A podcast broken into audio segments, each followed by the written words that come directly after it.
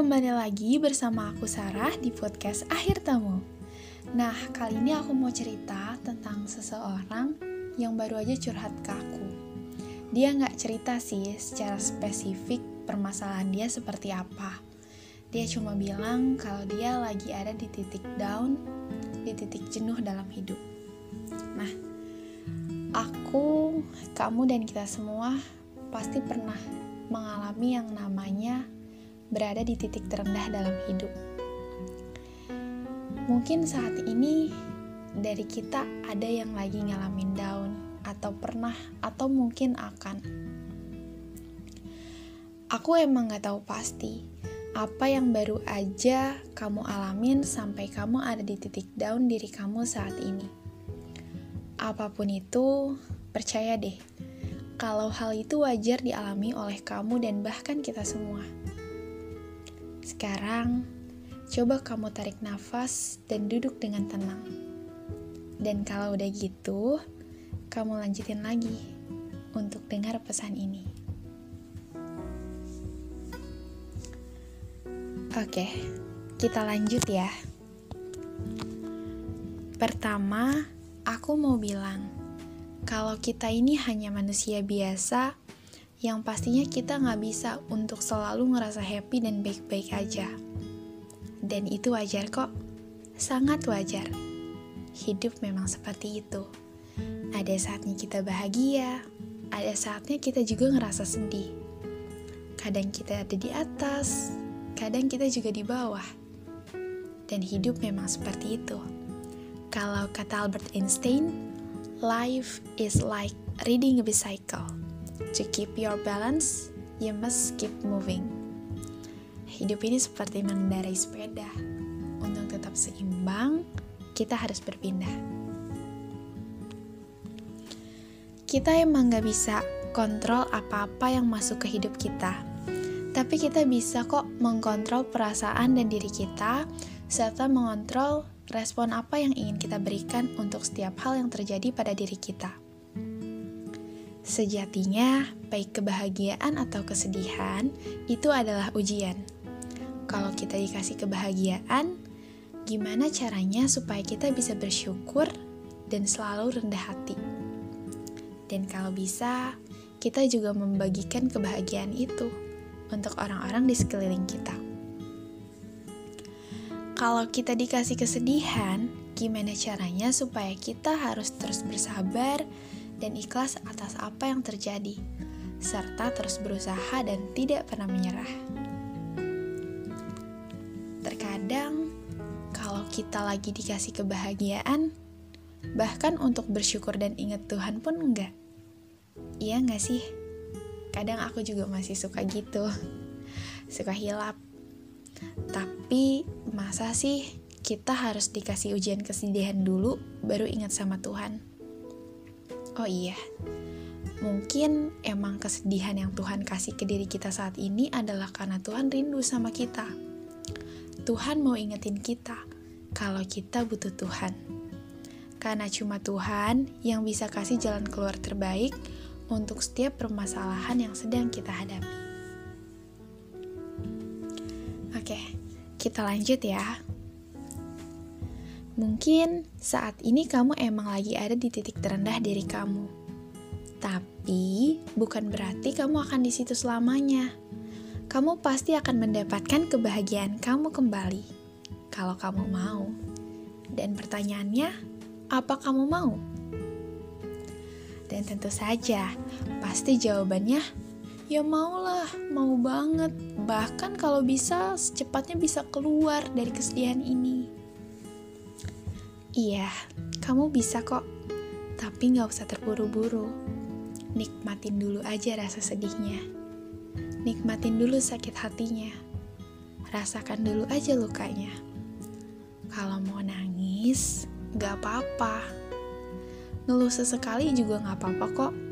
Dan kalau perlu teman cerita, kamu juga bisa cerita apa yang kamu rasain ke orang yang benar-benar bisa kamu percaya. Terkadang kita cuma perlu ngungkapin perasaan kita buat bikin diri kita jauh lebih lega dan tenang.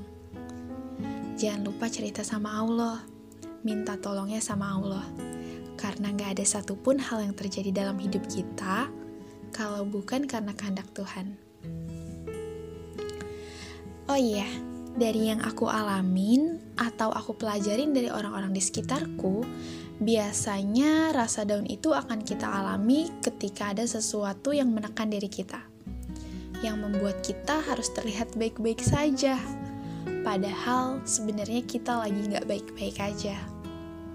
Dan biasanya itu timbul ketika kita baru aja disakitin seseorang, ngalamin kejadian yang kurang menyenangkan di dalam keluarga ataupun lingkungan kita.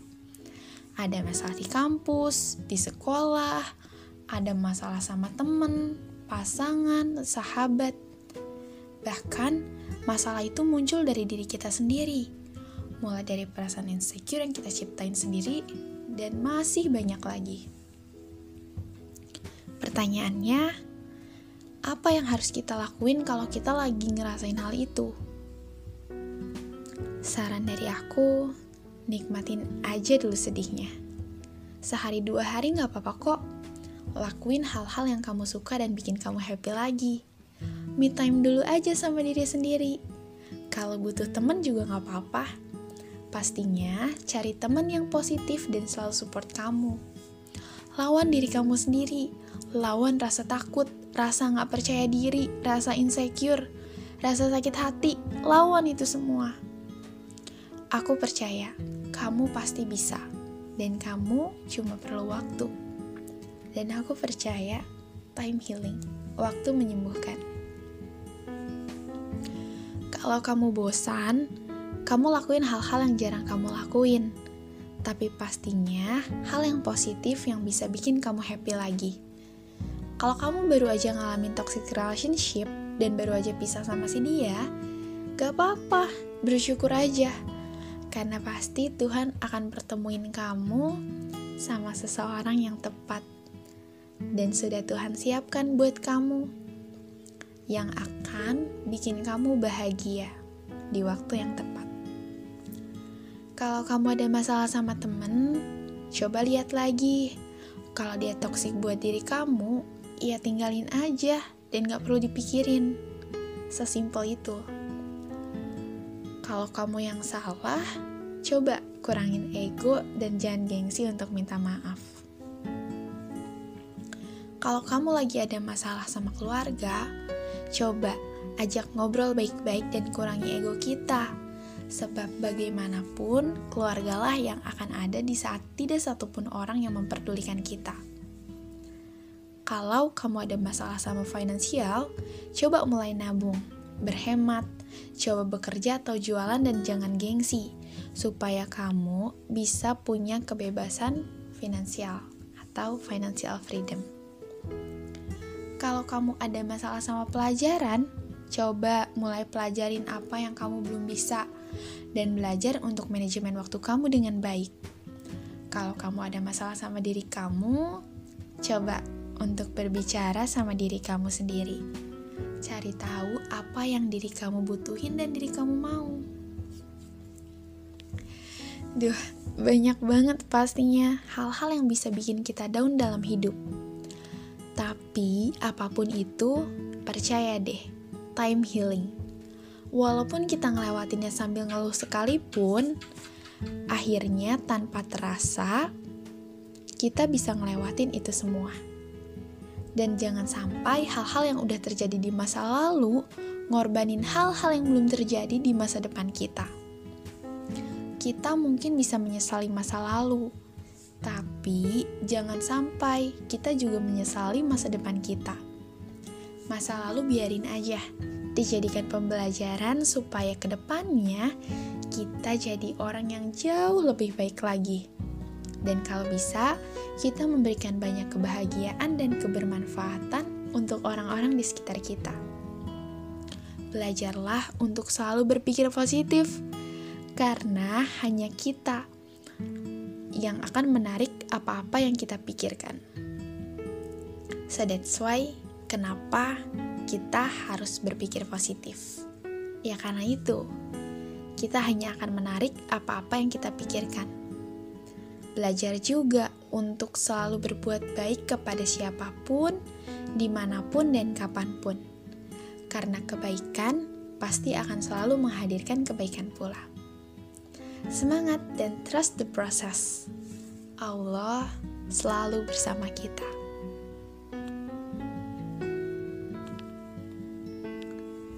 Untukmu yang baru saja mendengarkan pesan ini, aku yakin kamu akan baik-baik saja. Kamu bisa bangkit, kamu tangguh, kamu kuat. Aku percaya, dan kamu harus percaya itu.